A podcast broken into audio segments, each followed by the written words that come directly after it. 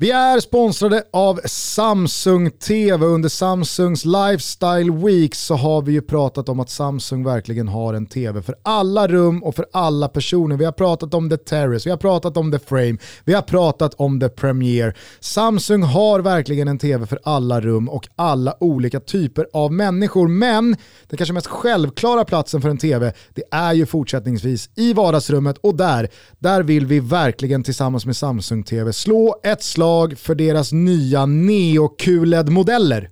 QLED-teknologin är verkligen Samsungs DNA och därför är det fett att de introducerar nästa generations QLED, Neo QLED. Det är en teknologi som erbjuder fantastiska färger, kontraster och ljusstyrka.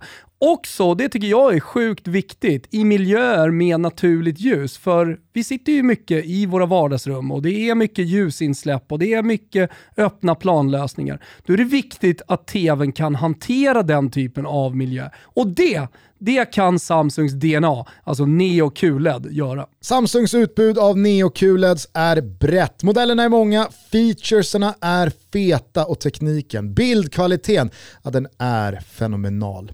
Och det mäktigaste av allt är ju flaggskeppet Gusten. Neo QLED 8K det är det jag har i mitt vardagsrum. Det är det givna valet för alla vardagsrum egentligen. Det är det bästa av teknik och design. Och med design då menar jag Infinity Screen, One Invisible Connection. Teknik, ja men då är det Quantum Matrix Technology Pro. Ja men det är otrolig bild. Det är 8K-upplösning, ja men ni hör ju. Samsungs Neo QLED-modeller kommer i många storlekar. Det finns hela vägen upp till 85 tum och en större TV ger dig en större upplevelse. Surfa in på samsung.com se tvs, TVs, TVS för att läsa mer om Samsungs breda Neo QLED-utbud. Vi säger stort tack till Samsung TV som är med och sponsrar vår podcast.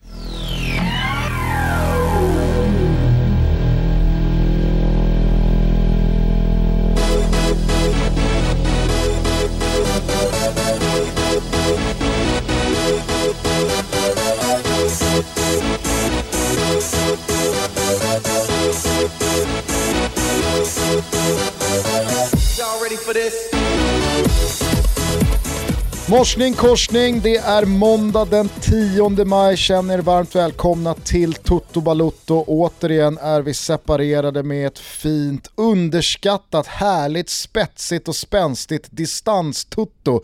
Jag sitter på destination Gotlandbåten med eh, riktning Visby GK för att spela lite golf och dricka lite bärs i dagarna fyra. Således är vi på olika orter, men jag tycker om det lika mycket för det Thomas.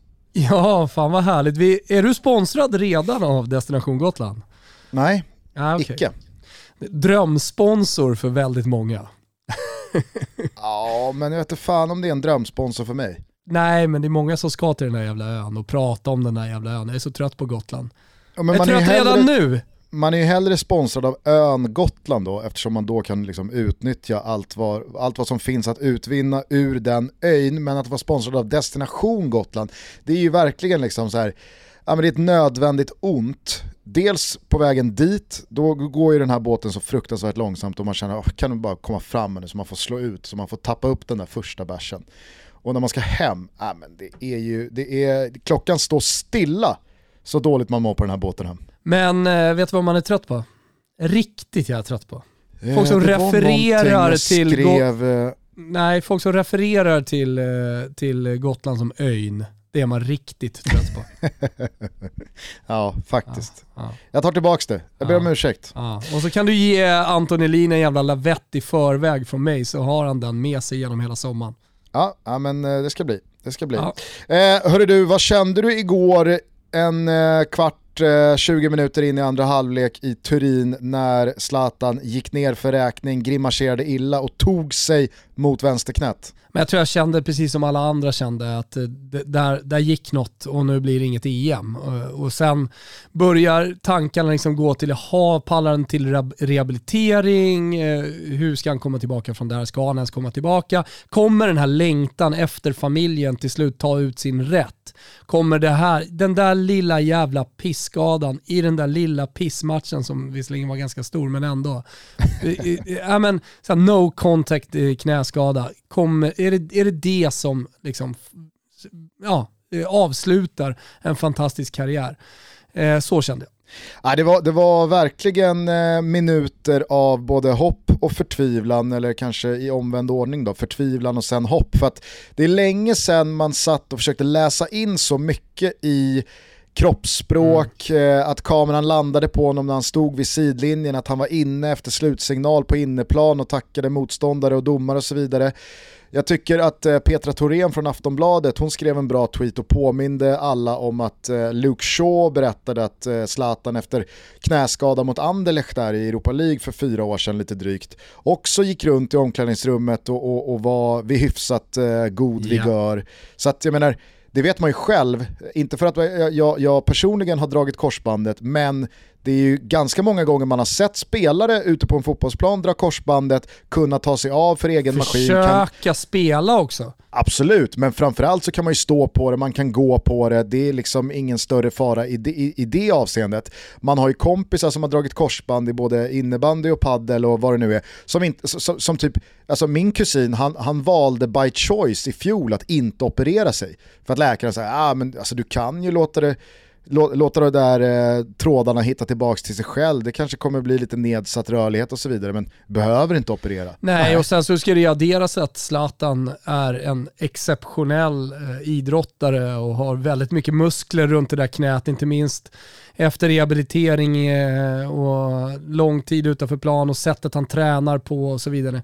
Så att eh, det, det, det är klart att det, det, finns muskler att bära upp ett ben och få honom att gå även utan ett korsband. Så bara, det, det, enda, det enda jag tar in liksom som positivt, det var definitivt inte att han gick runt, men att eh, Pioli efter verkar ha fått någon slags indikation från läkarteamet att det är nog inte så allvarligt. Det är väl, eh, jag säger inte att det är allt och det behöver inte betyda att det är okej. Okay. Men Nej. det tar jag in som positivt. Eh, det jag tar in som extremt negativt, det är när Chiellini går fram och de Exakt. bilderna kramar om som att, fan sorry man, man känner på Zlatan liksom att han typ Ja men han är i sorg när Chiellini ja. kommer fram och de kramas om där. Det är inte en vanlig så här, äh vad fan, gjorde illa knät lite, utan det, det är verkligen en korsbandskram mellan Chiellini och Zlatan. Och det jag lägger stor vikt vid är att när det är en eh, no contact skada i knät, ja men då är det sällan så att oj oj oj, helvete vad ont det gjorde men en minut senare känner man att äh, det var ingen fara. Då känner man ju ingenting från början. Det är inte som när du får en smäll, du får en tackling och du kanske befarar att fan nu är det nog en spricka, nu är det nog en fraktur. Men Känner man då efter 3-4 minuter när det har lagt sig att äh, men det, det, det, det, är helt, det funkar, det kommer bara vara en svullnad och det kommer, men, men det går att köra på. Alltså då vet man att då, då handlar det om några dagars svullnad som ska lägga sig, sen är det bara att ut och köra. Men när, när någonting händer i knät, vilket uppenbarligen hände, annars hade han ju inte sett ut som han gjorde, tagit sig mot knät som han gjorde, försökt och sen satt sig ner och skakat på huvudet. Någonting har ju hänt och om någonting har hänt i ett knä utan att man har haft fysisk kontakt med någon annan i en duell, ja men då är det ju sällan någonting som då bara är att knalla bort på en timme eller eh, låta dämpa på tre dagar och sen så är det bara rock'n'roll igen.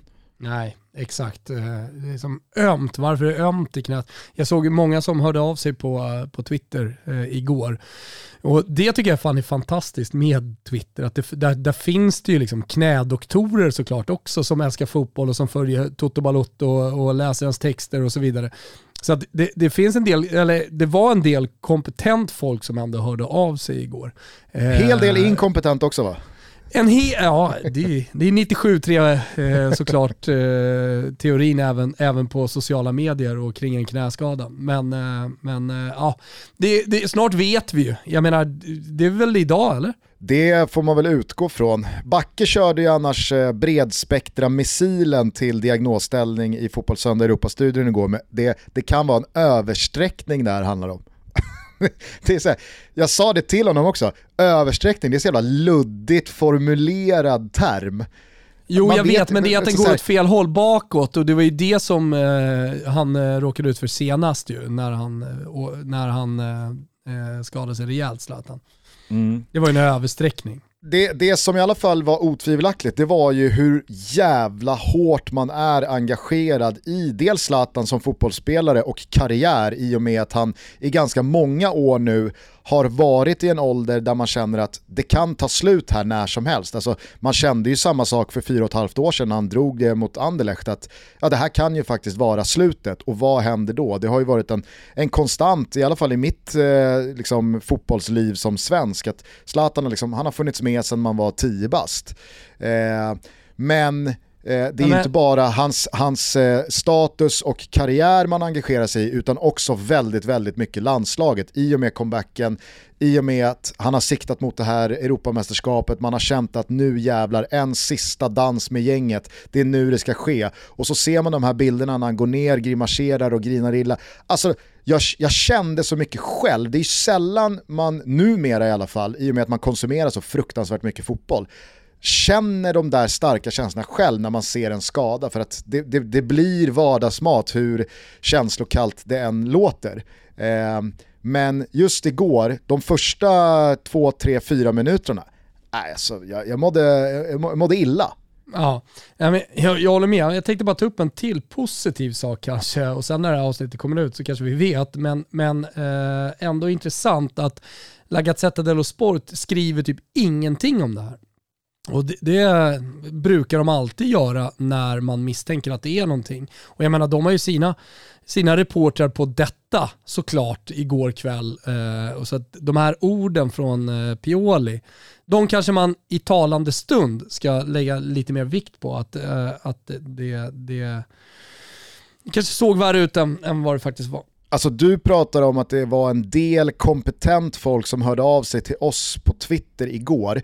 Nu slår det mig när vi pratar om det, vore det inte helt sjukt ifall Gazzetta dello Sport inte har en utbildad knäspecialist på sin payroll. Ja, nej, alltså, givetvis, eh, kom ihåg anledningen till att eh, spelarna går omkring och håller handen framför munnen. Eh, det är ju för att det sitter läppläsare på de italienska arenorna som eh, då eh, skickar vidare precis alltihopa som sägs. Eh, men alltså det enda, det enda som skrivs det är på sida 6 och det är, ganska, det, är, det är långt in i tidningen får man ändå säga efter en sån här stor match.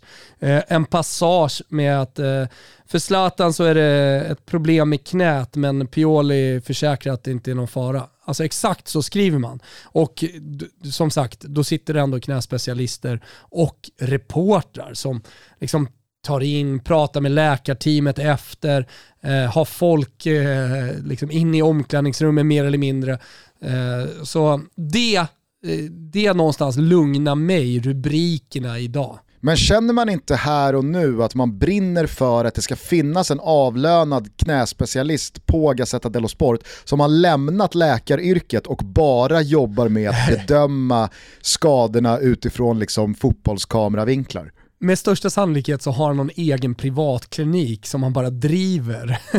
och, och sen så jobbar han också för Gazzetta dello Sport. Eh, det är en entreprenör framför läkaren, men säkerligen ändå skicklig i grunden. Vet du för övrigt vilket namn man inte vill ska dyka upp i en artikel om en knäskada? För då vet man att då är det riktigt illa. Men det är väl den här jävla gubben i Pennsylvania eller var fan han bor? Stedman. Ja, Stedman ja, just jävlar. Det var inte han Zlatan åkte till, det var ju någon annan lirare. Men Nej, han körde väl någon i, i, Chicago, alltså det var ju någon, någon med något asiatiskt klingande namn va? Exakt, typ Mr Lee eller någonting sånt. Dr Wu. Dr Wu heta, var det. Kan han heta det? Galna Dr Wu. Klart han har koll på läget. Men när, när namnet Stedman dyker oh, upp i en text om Jag en knäskada. Jag får rysningar. Det är kalla det... kårar över hela kroppen när du säger ordet. Dr. Stedman, vet du vad som var Dr. Stedman? Det är väl Beppe Rossi Beppe va? Rossi var hos Dr. Stedman. Sitter inte Stedman i Colorado? Uh, uh, Exakt. Är det inte där han hänger? Jo, det, du har helt rätt. Det är fan i Colorado. Anledningen att han är i Colorado är förmodligen för att han tar hand om, för det vet man ju att eh, hos Dr. Stedman så har ju Lindsey Vonn och Michael Jordan, alltså alla har varit hos Dr. Stedman. Varenda jävla Persson var hos eh, Stedman också. Persson var ju definitivt hos, eh, hos Stedman. Men Zlatan körde egna race hos Dr. Dr. Wu. Exakt. Men, eh, men kommer Stedman upp här idag, ser jag bara, jag ska sätta det på någon slags larm på telefonen. Push på allting som har med Stedman att göra. då vet man att då är det bara glömma EM. Då eh, kommer Dr. Stedmans namn ens upp, då är det, då är det bara glömma. Jag, jag skulle säga då är det karriärsdödande. Vi är som alltid sponsrade av våra vänner på K-Rauta och från och med den 10 maj, ja men då drar det igång våryran. Satana, våryran! Fan jag är så jävla inspirerad av att vi har gjort eh, finska avsnittet i, i Tutski, så jag vill bara prata så hela tiden. Och då är det ju kul att ha med K-Rauta. Våryra säger du Gusten, vet du vad jag tänker på då? Nej. Ja, men då tänker jag sitta på uteplatsen, jag tänker på att eh, dra igång en eh, liten grill med något gott på. Jag tänker såklart på utomhusprojektet. Man har alltid inför sommaren, när man har en tomt Gusten, så har man ju ett utomhusprojekt. Och du har haft altanen nu som du har byggt. Eh, Däcket. Däcket, eller som jag kallar det, tandsbanan. Men eh, alldeles oavsett så är det alltid någonting och då är budskapet K-Rauta har någonting för alla med jävligt bra priser. Inte bara någonting för alla utan även budskapet att K-Rauta hjälper dig från start till klart alldeles oavsett vad det är du har tänkt att göra. Du kanske ska putsa på och ta hand om eh, ditt trädäck med något trä och ytskydd. Du kanske ska tjacka en ny grill eller varför inte piffa upp en ny utehörna. Ni hör ju själva, det är våryra på K-Rauta från den 10 till och med den 31 maj. In på krauta.se eller besök något av alla varuhus runt om i landet. Hitta inspiration, få hjälp och förbluffa er av alla härliga priser. Stort tack till K-Rauta. För att ni är med och möjliggör Toto Balotto. Ja, som eh, ni fattar när vi spelar in det här Toto-avsnittet så är klockan strax efter 10 på måndag morgonen. Då har det inte kommit några definitiva besked kring Zlatans knä.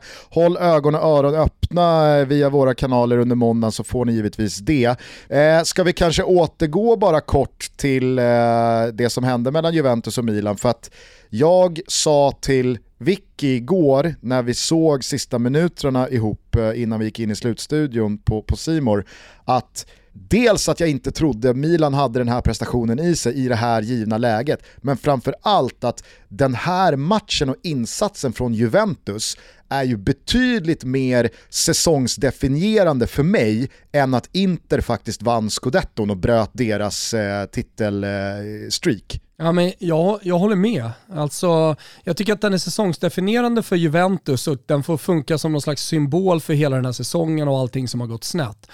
Pirlo pratar om principer som man har varit tvungen att frångå. Eh, och jag menar, man kan försvara hur mycket som helst, men man kan inte gå in i de här extremt viktiga matcherna. Tancredi Palmeri skrev det på Twitter igår, att det har varit sju matcher, alltså dubbelmötet mot Porto, ja, några ligamatcher och, och den här då, där eh, man har kallat på storstjärnorna i Juventus. Där, där det har varit en vecka av uppladdning, eh, där, ja, men de, de, stora viktiga matcherna på den här säsongen, där de stora viktiga spelarna ska kliva fram. Och han lägger det på ett Ronaldo-perspektiv. Det kan man göra om man vill, men man kan lägga det på ett Juventus-perspektiv också. Men där, där, där Ronaldo viker ner sig. Alltså anledningen med mm. att man köpte honom är för att, inte för att han ska göra två mål borta mot Spezia, utan för att han ska vinna de stora matcherna. Att vinna mm. 2-0 borta mot Spezia, det finns en rad anfallare, det finns en rad spelare i världen man kan, man kan köpa. Och det kan tyckas vara otacksamt eh, eller hårt mot Cristiano Ronaldo som gör 27 mål. Men han köps in för att vinna Champions League. Och om han inte vinner Champions League så är tröstpriset ligan. Och då kan ju 32 mål kanske sminka över en del. Men eh, åker man ut mot, eh, mot Porto i en åttondel, förlorar man mot Milan med 3-0 och han har inte ens ett skott på mål och man adderar de andra stora viktiga matcherna eh, till det här eh, så, så är det ju på Cristiano Ronaldo-nivå ett fiasko. Ja, för att jag menar vi kan ju addera Derby d'Italia från tidigare i, i vintras ja, där han knappt dyker upp eh, och Milan-matchen eh, på San Siro, där är det Chiesa som steppar upp och det är Ronaldo som inte eh, står för någon vidare insats. Och på ett års perspektiv, ja men då kan du vifta med det där hattricket mot Atletico Madrid eh, i kvartsfinalen av Champions League. Men nu har han ju varit där så pass länge att den där Atletico Madrid-insatsen på hemmaplan när han vänder det underläget till avancemang, att det börjar stå sig jävligt slätt i ena ringhörnan mot de andra, som du säger, uppgiften han faktiskt värvades för att lösa i den andra. Exakt. Och det, det är det som kommer landa på honom, den kritiken han får idag och eh, det är ingenting man heller varken ska eller kan blunda för eh, när det är en så stor spelare. Messi hade fått samma kritik om han inte leder sina lag. Det är den kritiken som Messi egentligen har fått genom hela sin karriär och anledningen till att folk eh, håller eh, Cristiano Ronaldo som liksom bättre spelare när man summerar båda karriärerna. Liksom att han är en större vinnare, han drar sina lag till ja, men Portugal till, ett, till, till en mästerskapsguld och eh, Real Madrid till, eh, till Champions League-titlar och så vidare. Eh, det, och jag menar, då, då, måste vi faktiskt kunna använda samma retorik mot eh, Cristiano Ronaldo i det här läget i, om man summerar hans Juventus-tid. Absolut. Sen måste man ju verkligen understryka att det är inte bara Cristiano Ronaldo som står för en slät figur igår och, och att det är han som ska bära något slags hundraprocentigt hundhuvud. För det jag tycker säsongsdefinierar den här insatsen för Juventus, det är att Juventus ja, men de, de, de, ser ut på riktigt som, de ser ut som Roma, de ser ut som, eh, eh de, de, ser ut som Torino, de ser ut som eh, fan Bologna i 90 minuter hemma mot Milan i det här läget när de vet att okej, okay, vi har redan torskat eh, scudetton, den är borta. Nu handlar det om att undvika ett otroligt fiasko med att alltså missa Champions League-spel nästa säsong. Napoli går som tåget, Atalanta går som tåget och om Milan vinner den här matchen, ja då ligger vi jävligt pyrt till. Inte bara torskar de, utan de släpper dessutom tre, torskar med 0-3 och förlorar då inbördes möten-statistiken mot Milan den här säsongen. Så nu ser det ju extremt prekärt ut. Och jag tycker bara att det är så, alltså att Inter går och vinner scudetton och ligatiteln den här säsongen, det är väl vad det är. Jag tycker att där är ju den stora skillnaden på att Conte med sin titelhunger och sin erfarenhet och sitt driv visar ju Andrea Pirlo, new kid on the block, vart skåpet ska stå. Att liksom, här är jag i min tränarbana, du har en bit kvar, jag kommer kräma ur insatser som räcker till tre poäng 9 av 10 matcher med mitt lag. Du får fan svettas om du har tänkt att hänga med här. Och så där, det är speciella omständigheter med coronan och Juventus var kvar i, i Champions League på ett annat sätt än, än vad Inter var. Bla bla bla, det, det går att stapla många anledningar till varför Juventus till slut förlorar ligatiteln till Inter.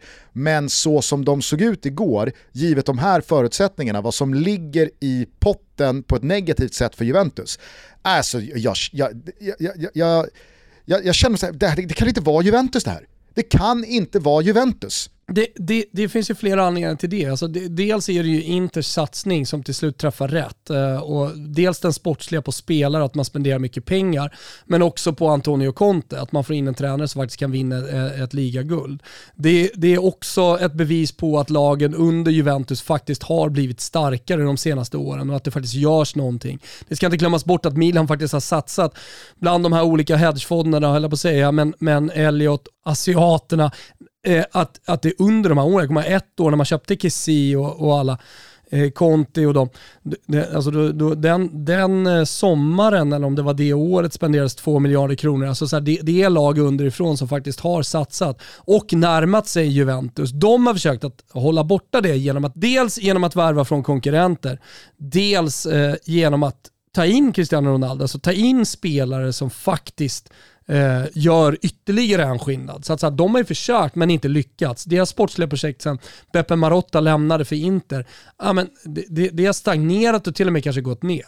Man gör ett felbeslut eh, i Andrea Pirlo. Kanske rätt på lång sikt, jag har ingen aning, men det är felbeslut på kort sikt i alla, kort sikt i alla fall, om nu det är viktigt.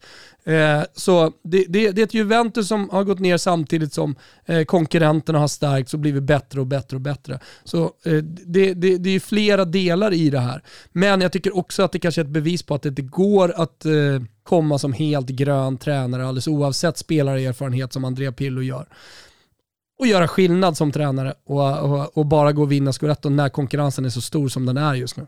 Ja, men ponera då att Juventus missar Champions League, vilket vi ändå får ge dem ganska goda möjligheter till att göra med tanke då på att man har Inter kvar. Jag misstänker att Beppe Marotta och inte minst Antonio Conte skulle älska att ta poäng av Juventus i det här läget. De har dessutom en kuppfinal mot Atalanta mellan den näst sista och sista omgången, deras enda chans på en titel den här säsongen. Mm. Så jag menar, det, det, det, det finns ju väldigt mycket som talar för att man faktiskt missar Champions League då, då undrar jag på riktigt, vad händer då? Ja, vi får väl se. Alltså det, är dessutom, det finns ju dessutom ett hot eh, om att de missar Champions League, alldeles oavsett om de placeras i topp fyra eh, i och med Super League och att de fortfarande inte har tagit avstånd från, från eh, Super League.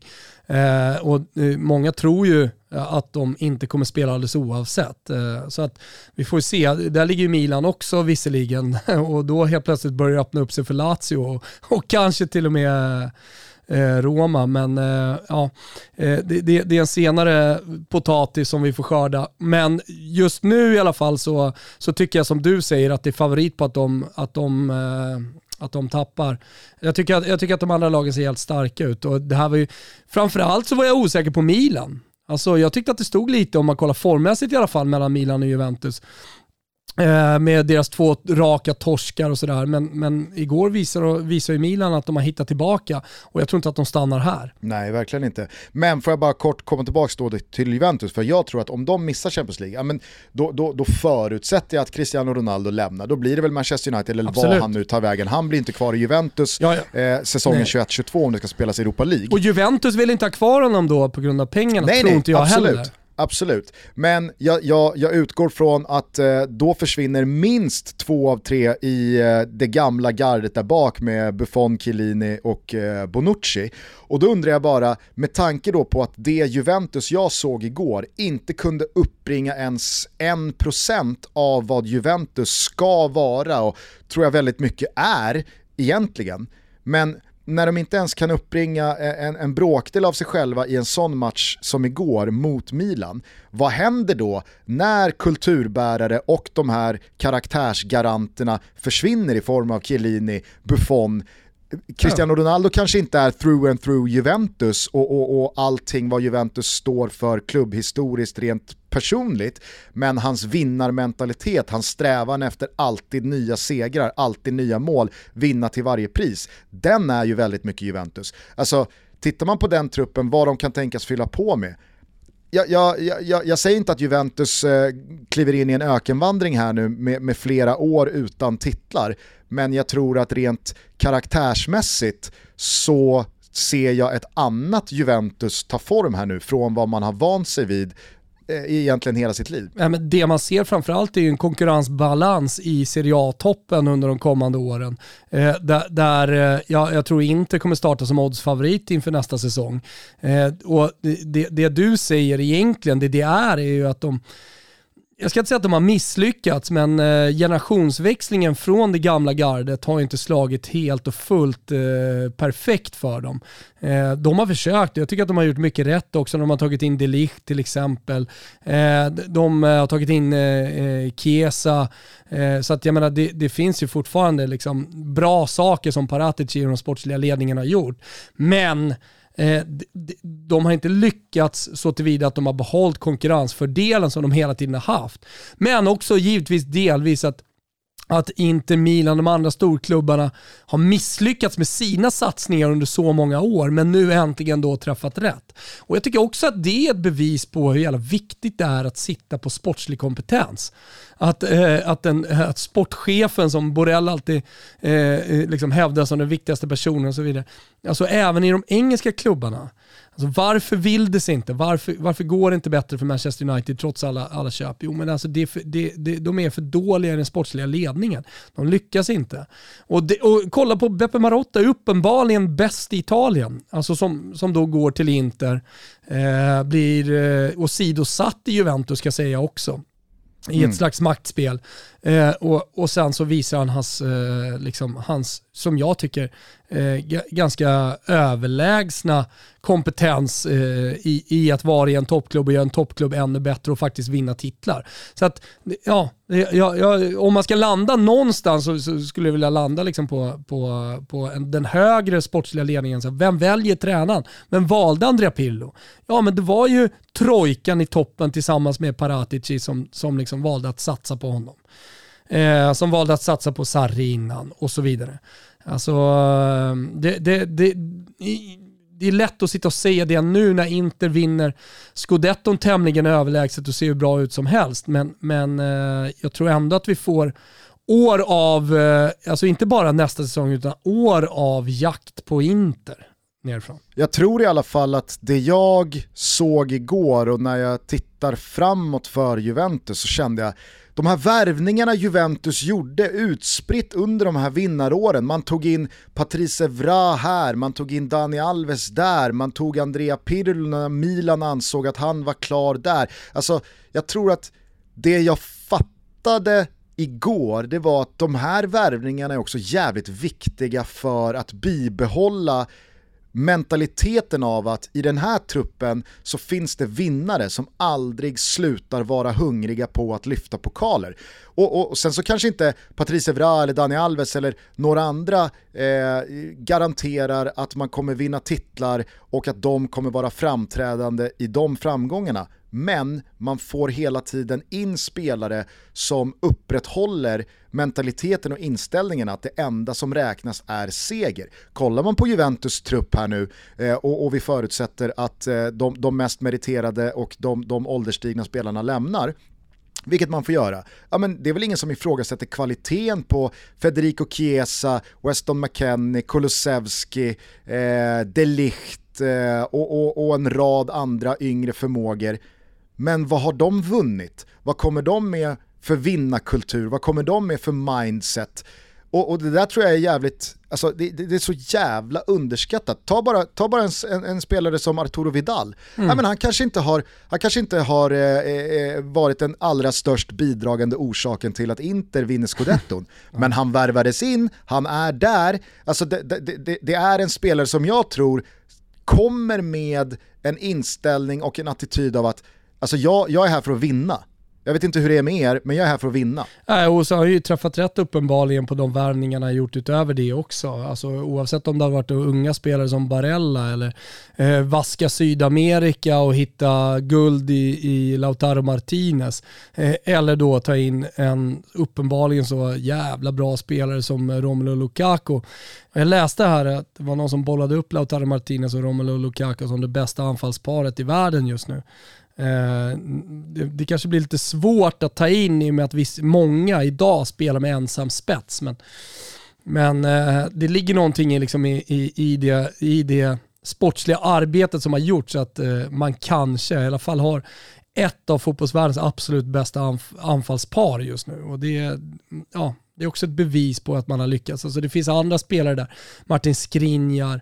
Eh, man, har, man, man glömmer bort liksom att eh, Antonio Conta satsar på eh, in, inhemsk talang i Bastoni.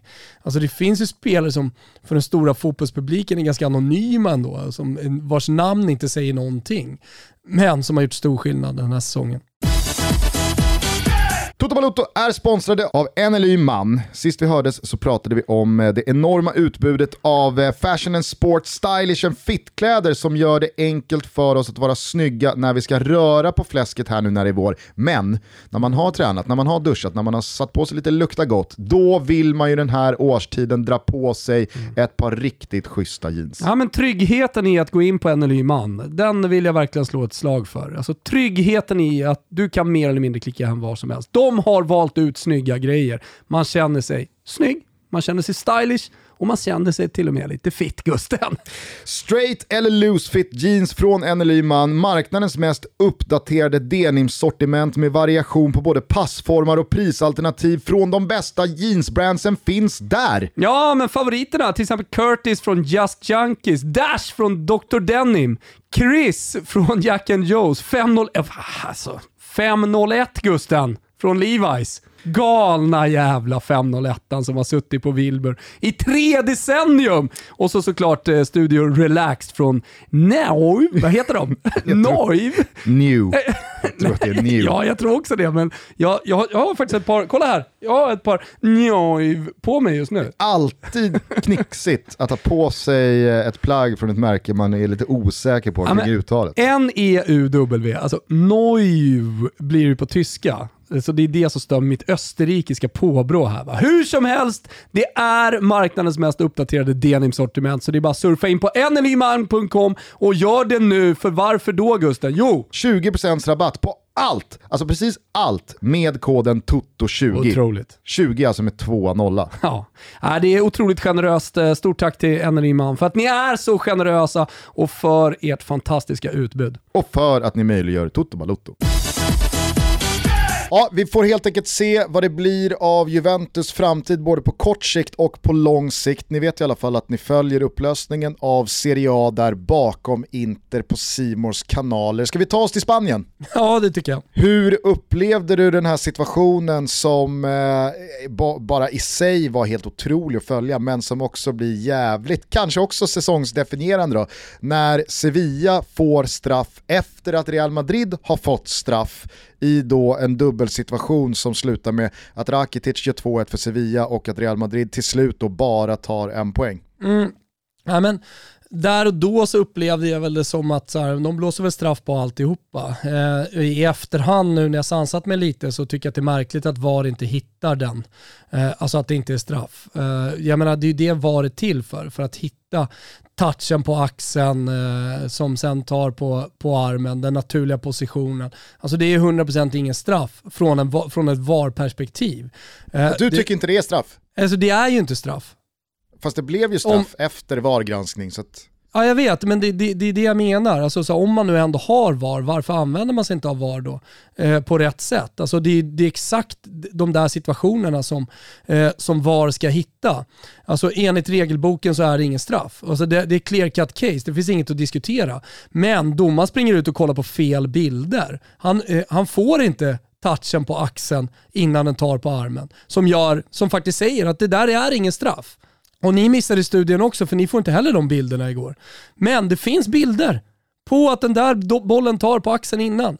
och, och, det är en naturlig position såklart eftersom de har andra armen ute. Vilket gör att så här, det där är 100% ingen straff från ett VAR-perspektiv. Och det är därför VAR ska finnas. Så att det, det är väl det, där jag landar, jag tycker det är så jävla konstigt om man nu har VAR, ja men använd VAR då på rätt sätt. Se till att det inte blåser straff där i och med att det där blir... Det, Anledningen till att det finns VAR är för att VM-finaler inte ska avgöras av domarmisstag.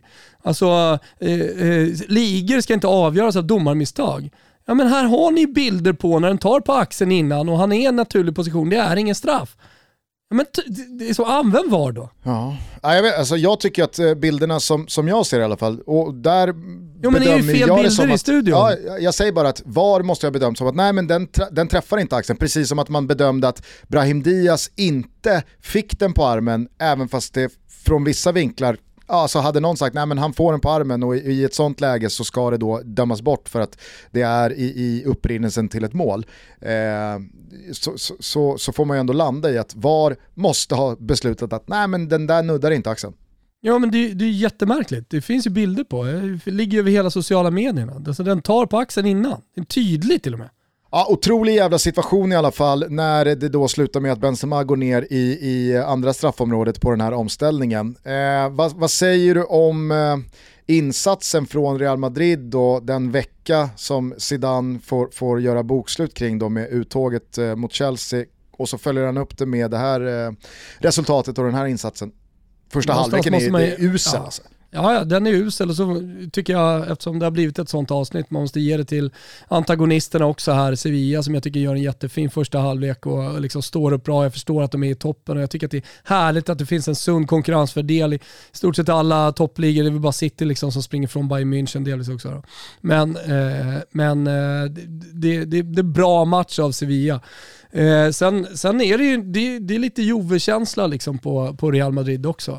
De, de har inte heller lyckats få in nytt blod, de har inte lyckats med de värvningarna man har gjort som ska göra den stora skillnaden i de stora matcherna, alltså som ska vinna titlar. Eh, så att det, det, känns, känns som ett lite stagnerat Real Madrid. Alltså man, man, man går på någon, någon slags här treans växel och liksom tror att det ska räcka. Eh, och även, och då, då, menar jag inte bara liksom hur det såg ut igår och, och lagets prestationer och sådär, utan jag menar hela klubben. Jag tycker att allting känns som att det är lite treans växel har varit så ett par år för, för Real Madrid. Ja, men det är få klubbar och spelartrupper och inte minst tränare som ens dagliga omdöme svänger så snabbt kring som Real Madrid och deras spelartrupp och Zinedine Zidane som huvudtränare för dem. Alltså där känns det som att ena veckan så har Real Madrid stämt i bäcken, borstat av Liverpool från axeln, gått vidare i Champions League och skaffat sig pole position i La Liga, trots att man har haft halva laget i sjukstugan typ hela säsongen. Och så känner man, är det är fan Real Madrid, när det väl gäller, när säsongen ska spetsas till och, och när allting ska avgöras, då vaknar de stora, då spelar det ingen roll att de är typ 33, 35, 37 år gamla.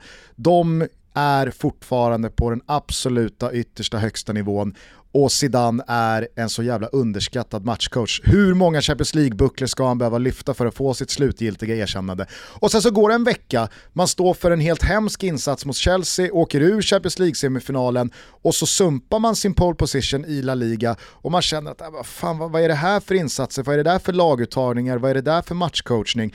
Och så börjar man då, som du gör nu, fan är det inte treans växel? har de inte misslyckats med den här generationsväxlingen, är de inte lite för gamla och det är väl inte så konstigt att man är skadebenägna och har fullt upp i sjukstugan när snittspelaren är typ 34,5 år gammal. Alltså håll med mig om att det svänger så jävla snabbt i hur man både pratar om och känner kring Real Madrid. Ja, nej, men jag håller med. Alltså, över en säsong så har, har det ju varit berg Man har varit eh, precis på alla ställen vad det gäller dem. Eh, men jag tycker också att Zinedine Zidane har bidragit lite till det. Alltså hade han varit tydlig med att så här, nu är jag här, jag ska vara här och det, det, man ser en långsiktighet i honom, men att han hela tiden har vacklat lite. Och, och det tar man med sig inför det här åttondelsfinalmötet mot PSG eh, när man till slut vinner alltihopa, men, men ändå att så här, ja, är jag fel man, lyckas inte jag med det här, då kommer jag, då, då kommer jag lämna plats åt någon annan.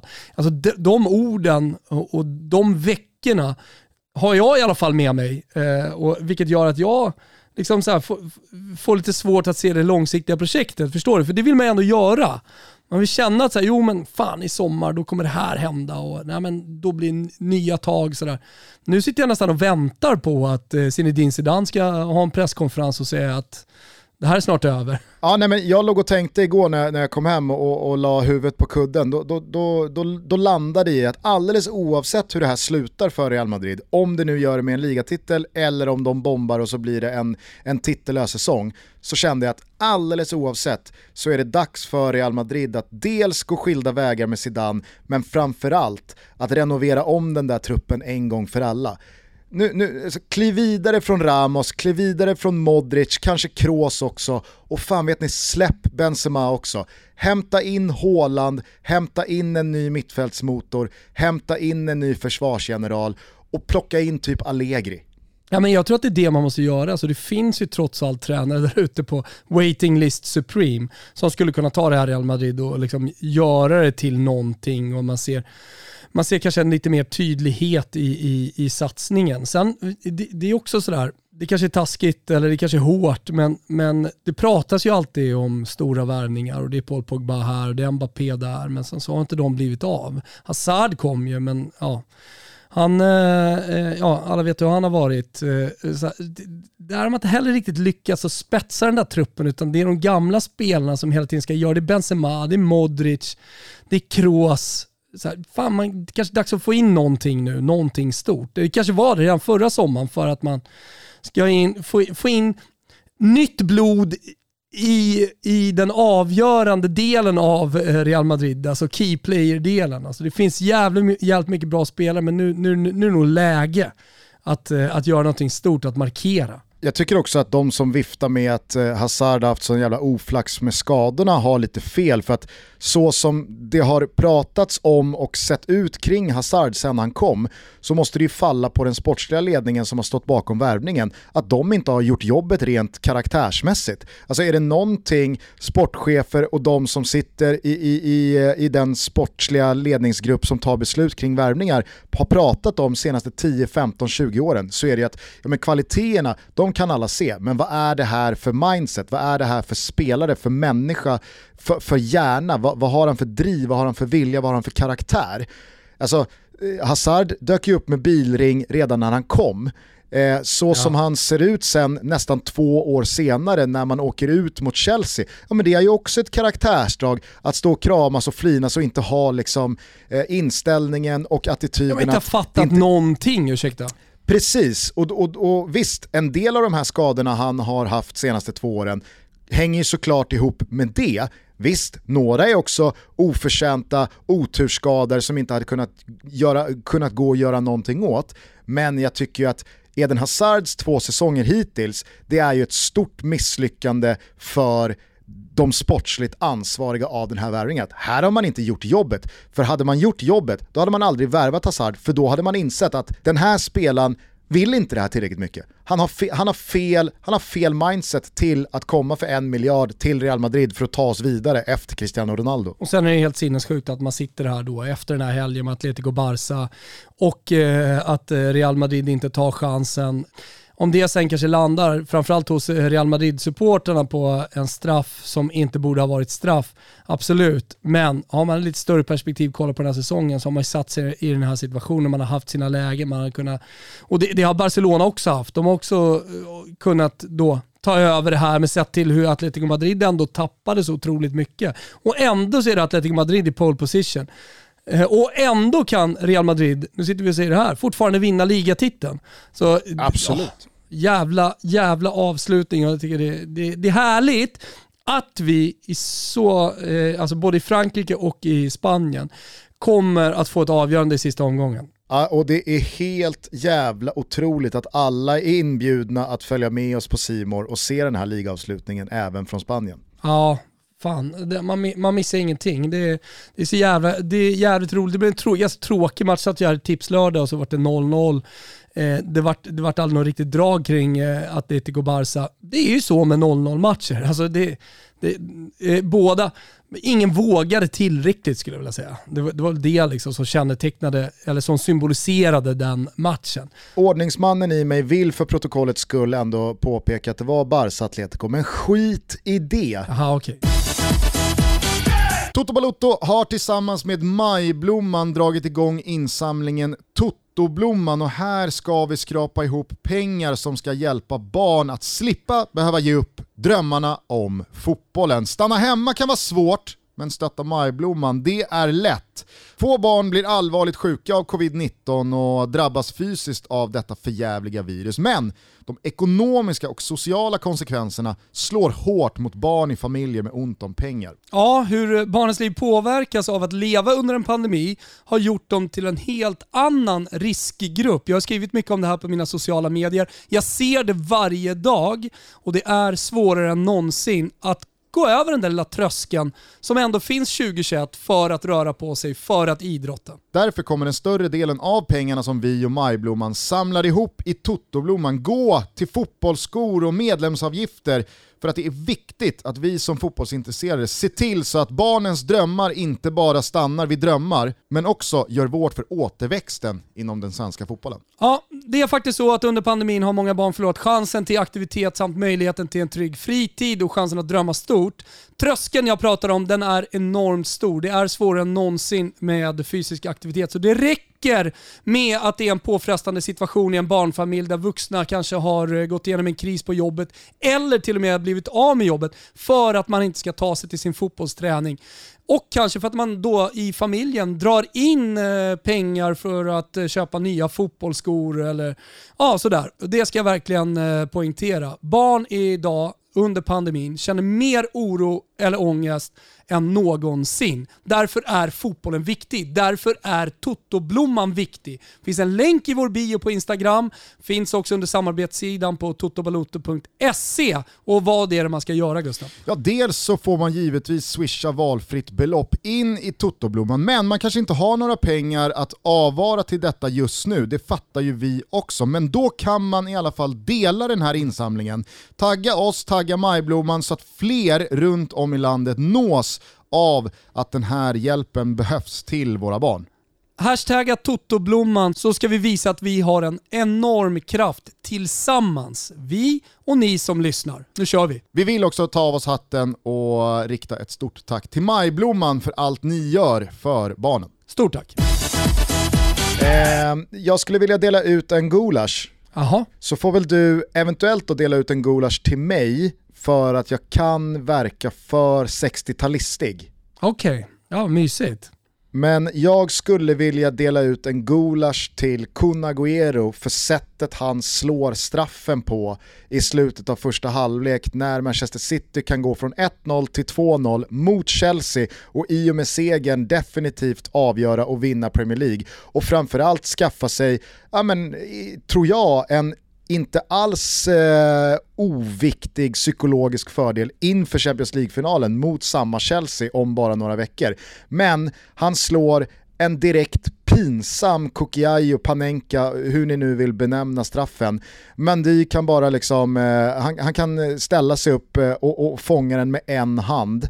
Och mm. Kun vet ju alla är på väg bort från Manchester City efter tio år. Han har bara några matcher kvar innan han som en levande legendar och bästa målskytt i klubbens historia lämnar Manchester City.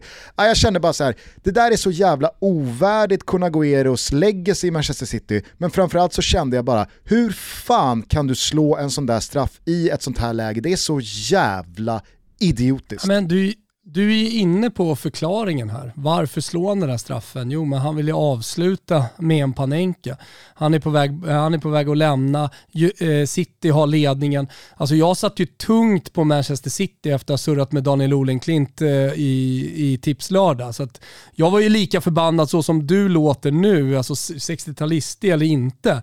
Men, men eh, alltså den där den där straffen hade ju avgjort det, det vet ju alla.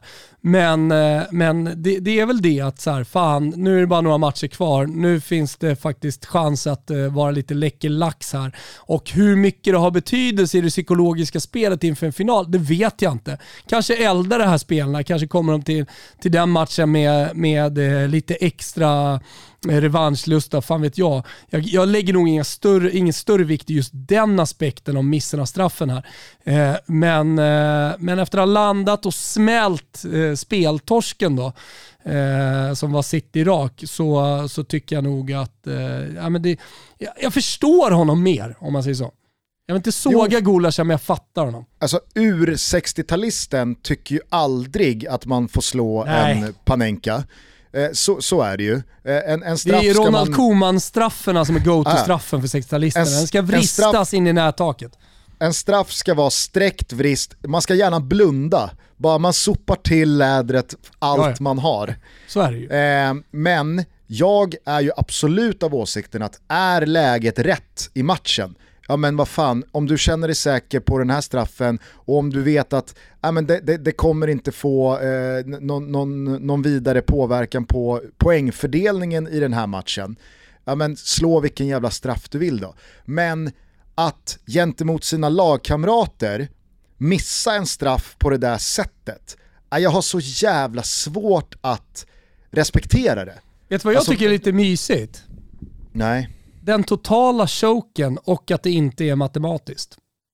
Alltså, att det, att det fortfarande finns en procentuell chans för Manchester United att hämta i Cup City, det tycker jag är lite mysigt. Alla vet att det inte kommer hända. Det är tre omgångar kvar, det är nio poäng att spela om. Det är sju poängs skillnad om, om United vinner sin hängmatch mot Liverpool. Ja. Jag tycker att det är mysig statistik så här på morgonen. Ja, absolut. Och jag vill vara noga med att, ja men kanske då ur det perspektivet så är det väl helt okej okay att han slår eh, en Panenka-straff för att Manchester City kommer vinna ligan alldeles oavsett 999 Exakt. gånger av 1000. Det är jag medveten Exakt. om också.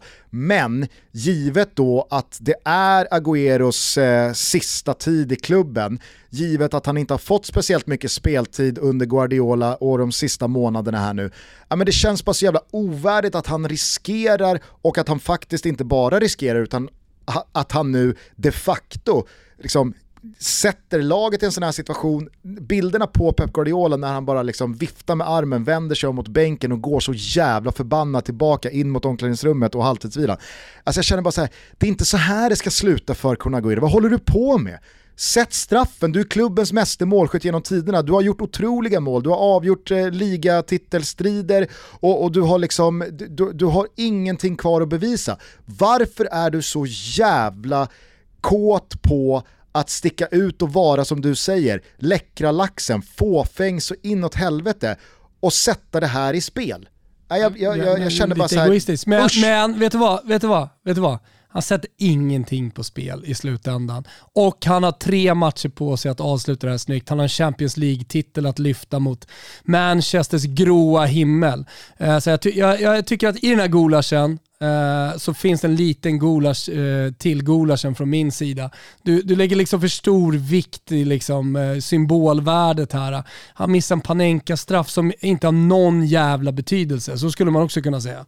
det, är klart att, det är klart att efter allt det han har gjort för Manchester City och alla titlar och som du sa, mesta målskytt, en av de bästa spelarna genom tiderna, kanske den bästa spelaren genom tiderna, faktiskt unna sig själv att försöka sig på en Panenka. Ah, ja, ja, nej, det blir fan en rejäl slev gulasch till gulaschen här. okay. ja, ja, ja, jag försökte i alla fall. Ja, du gjorde, du, gjorde, du gjorde ett gott försök. Jag vill bara, bara nämna den jävla härliga toppstriden och den liksom de, bilderna på Lill-supportrarna som eh, efter segern liksom tar emot spelarna inför, eh, liksom eldar på spelarna. Och så det lilla, lilla kvitteringskrysset här av Rennes igår mot Paris. Och på tal om liksom lag som verkar checkat ut och veckor som har varit tunga. Alltså PSG som kryssar mot Rennes och nu är tre poäng bakom Lille inför de två sista omgångarna. Äh, det är, det, det, det är så mysigt så att jag, jag, jag vill bara lägga mig här liksom med en liten filt och kolla på tabellen. Ja, alltså eh, fyra poäng räcker för eh, Lille och då har man saint igen och Angers kvar. Eh, ingen eh, av dem har någonting att spela för. Så att vi får väl ändå utgå från att eh, Lille har ganska goda möjligheter att lösa den här ligatiteln. Och givet då att PSG är laget man slåss mot, alltså, det, det, det, det är en episk ligatitel man tar i sådana fall. Alltså 2012 i all ära med Rudi Garcia och, och, och Eden Hazard och, och, det laget man hade då kontra konkurrensen. Lyon var på nedgång efter ett par fina Champions League-år. PSG hade inte blivit PSG än med Thiago Silva och Zlatan och alla spelare som sen följde. Alltså det var ju en sak, en ligatitel för Lille är ju alltid en stor grej. Men att Lille i det här läget mot de här lagen tar titeln, är otroligt alltså. Ja, eh, och eh, alltså det här sista slutdramatiken som jag inte tycker riktigt får fäste hos fotbollspubliken. Alltså jag känner inte riktigt att folk bryr sig om det här så mycket som jag gör. Det gör mig lite irriterad. Men så här, Frankfurt, eh, alltså att de skulle skita på sig i slutändan och tappa det här till Dortmund. Det hade man ju kunnat gett sig fan på alltså. Dortmund som bara radar upp segrar. Ny seger i helgen mot Leipzig i stormötet 3-2. Samtidigt som Frankfurt, ah, men de kryssade ju, följde ju upp då torsken. Torsken för fyra, eh, fyra omgångar sen mot Mönchengladbach med 4-0. Alltså det, det, är en sån invikning som man sett make till det. Men det hade man ju kunnat gett sig fan på. Och Dortmund bara gasar. På tal om invik, alltså hur sitter inte vår Toto-trippel? Ja. Aj, aj, alltså, hur lämnar Lazio Artemio Franki mållösa i det här läget? Det är också helt jävla otroligt såklart.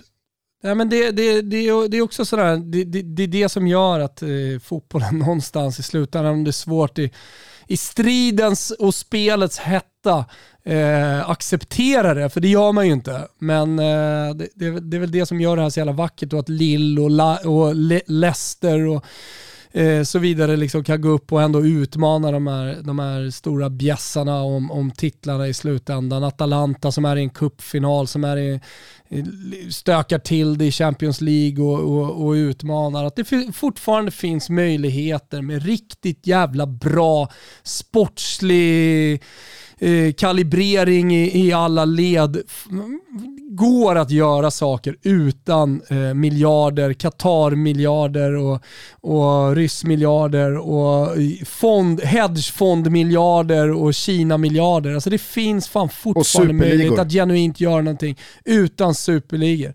Så att, eh, ja, det, nu, nu, tar, nu, nu, drar jag den här jävla filten över mig återigen alltså bara myser med saker som händer inom fotbollen i den här, i den här ligaavslutningen. Det blir givetvis en ny Toto-trippel till helgen. Den kommunicerar vi ut via våra sociala mediekanaler i och med att eh, vårt nästa avsnitt är förinspelat med assisterande förbundskapten Peter Wettergren. Ett gästavsnitt du var väldigt tillfreds med.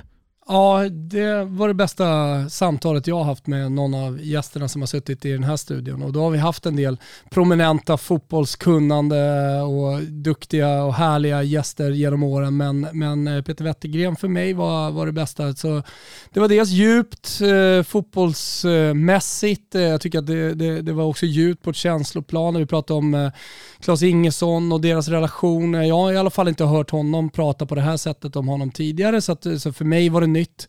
Eh, och en jävla härlig liksom, person och en eh, intelligent person och där vi hittar en röd tråd också tillbaka till Ingesson-tiden i Bologna. Alltså det var mycket som jag, tycker, som jag tycker var fint med det avsnittet. Så att, eh, tips era vänner om att lyssna på det här och få en liten förståelse för vem Peter Wettergren är inför eh, sommaren. Precis, och den här episoden kommer ut på onsdag. Ni får våran trippel till helgen via våra sociala medier. Tutski Balutski rullar vidare med fem nya avsnitt den här veckan. Idag måndag kom Slovaken ut. Alltså det är så jävla fina tider här nu. Ja, det, det, det är ju det. Och framförallt är det jävligt roliga tider. Liksom. Eh, det, det börjar bli varmt ute, det ska vara 20 grader i veckan. Och fotbollen eh, börjar ju så sakteliga komma tillbaka också. Man följer ju noggrant det här med, med publiken, det ska komma något besked i veckan. Eh, jag är helt, ganska övertygad om att, det börjar, att de kommer börja släppa på igen alldeles, alldeles snart. Så att så här, efter mörka, mörka tider eh, så börjar man se något slags ljus och att då ha en ligaavslutning, vi som älskar fotboll och ha ett EM att se fram emot med, med publik på läktarna. Ah, alltså, det, det gör en nästan tårögd. Diffen kraschlandade givetvis också som ett brev på posten mot eh, Degerfors här igår efter att vi eh, surrade upp dem, liksom många andra ska ju sägas eh, i, i senaste avsnittet eh, efter segern mot Malmö där. Eh, kul dock att Viktor Edvardsen gjorde sina första mål och eh, tog sats mot linan på över 8,5 mål som vi har i våra långtidsspel där. Jag måste, mm. bara, jag måste bara rättfärdiga mig själv som icke-60-talist, för du vet ju att Alltså 100 av 100 60-talister tycker ju att Edvardsens 1-0 på Djurgården igår är en kandidat till årets mål. ja, ja. Men som jag alltid har sagt, det där, alltså jag har den största respekt för sådana där mål, för jag tycker att det är så jävla bra uppfattat och det är bra ja. tekniskt utfört. Att sätta rätt fart, rätt höjd, rätt båge på bollen och bedöma det. Och det är inte lätt att, att liksom skicka in den där över en målvakt under ribban från halva plan men det är inte snyggt. Nej, inte på den nivån att det ska vara årets mål. Jag håller med dig. Alltså man har sett några sådana här, alltså jag älskar ju det här unika med mål som vi alltid återkommer till. Zlatans karriär, liksom. man ser mål som man aldrig har sett tidigare. Man ser aktioner man aldrig har sett tidigare. Eh, det, här, det, här, har man sett hundra gånger innan. Det är, ja, det är lika fascinerande varje gång det händer. För man, man jobbar den här målvakten, ska hinna ikapp bollen. Det känns som att de här tre sekunderna det tar från den lämnar Edvardsens fot till att den går i mål, det, det är som 30 sekunder. Du vet. Ja, ja. Det, det, går så långsamt sådär och så kommer repriserna och så känner man med målvakten som fladdrar efter bollen. Sådär. Det, det, det, det är sköna mål, det, det är roligt när de händer. Det är som en Keepern ska gärna Easter... landa i nätet också. Trassla in sig. Det, det, det, är ett Easter egg i Leisure Suit Larry-spelen. Det, det, det pirrar i pungen och så vidare. Men det är inte årets mål. Nej, om du inte frågar då 60-talistarmén som alla står i givakt och menar ja. på att det är ingen ja, det idé att det ens blir en omröstning. In, såklart, liksom. ja, det och en ribba, sträckt vrist, inget jävla snärtskott utan en sträckt jävla vrist, pang, ribba in. Det, det blir antingen det eller, eller det här målet. Då, som, Men som fan, det börjar, eh, det börjar bli en ganska fin start på många av våra långtidsspel. Alltså Degerfors som då med Edvardsens mål verkligen har vaknat här nu, Östersund som som sjunker. Jag tycker Halmstad och Sirius har eh, stått för fina säsongsinledningar. Kalmar har redan tre kryss på fem omgångar. ja.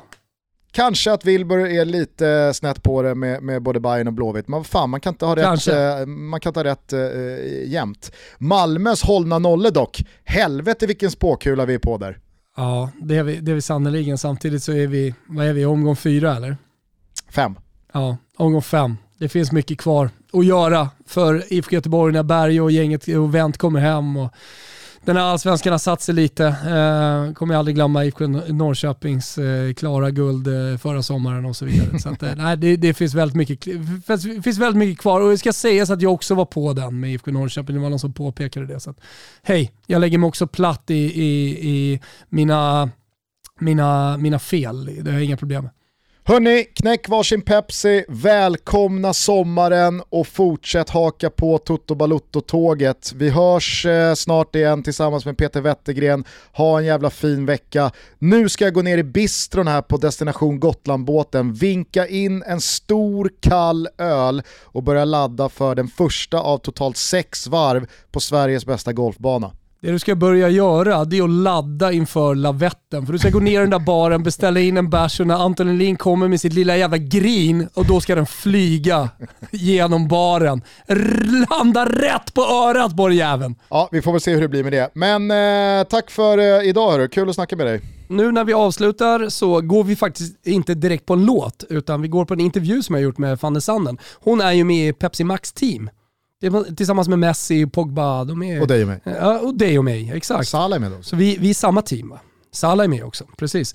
Eh, och, så det är Van Sanden, Pogba, Messi, Salah, Wilbur José och Gugge D? Jajamensan, jajamensan. Vi fick, fick en jävla trevlig pratstund jag och Van Sanden, så jag tänkte att det kan vi väl släppa i Totti också. Ja, ja, absolut. Eh, så tillsammans med Pepsi Max eh, så får ni här Wilbur José från eh, flygplatsen i Lyon, Gusten eh, hela vägen eh, till att vara i samma team.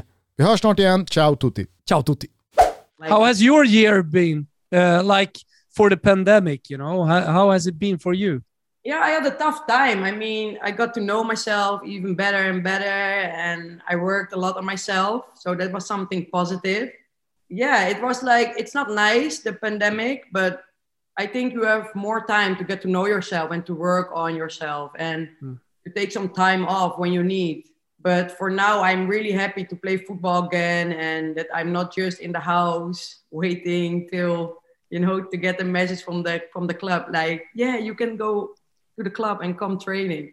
But no no no the yeah now it, it's all right okay? We have to be positive and i think that's the most important thing. Mm, of course.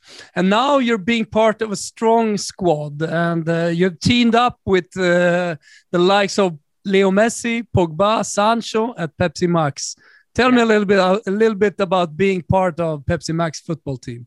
Yeah, first of all, when I got the met the message from Pepsi Max, yeah, I, I, it was a dream that came true. And also when I met the people from Pepsi Max, it it was amazing. It felt like home. Like the people were so warm, and I think that's the most important for me because I'm that kind of person that when I feel like a positive vibe and the warmth of the warmth of the people, then I feel comfortable. And yeah, then I don't really have to talk about the squad, right? Like Messi is something else, and Sancho and Pogba, yeah, they are amazing players, and I'm really happy to be part of that squad. But can I mm. ask something? Like, how old is your daughter?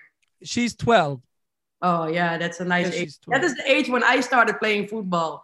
Is and, it? Yeah, I, I started really late, and yeah that's why that is really late to start and you uh, you must have had a lot of talent and uh, that you know yeah. my dream is to find like those girls who mm-hmm. maybe uh, has been too shy to start or they've they've tried uh, other sports but never football and just to see that raw talent uh, and develop that raw talent i can also tell you it's not only the talent like i've been playing, huh? yeah yeah i've been playing for a lot of years now and I have been in positive moments, but also negativity. And you have to be strong. And the most important thing is really to believe in yourself.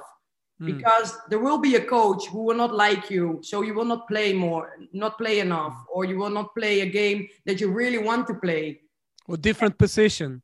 Yeah, or a different position, or you have a teammate who doesn't really like you because you are playing on her position. But you have to be so strong. And that's also in the men's football. Like the men's are always so strong. I mean, they seems really strong. Mm. But women's are always more in the emotions. You know what I mean? Mm. Yeah, yeah. You just never, yeah, don't need to give up because, mm. like, I started when I was 12 years old, and like last week I got really emotional when I was thinking about being in a Pepsi Max squad. Mm.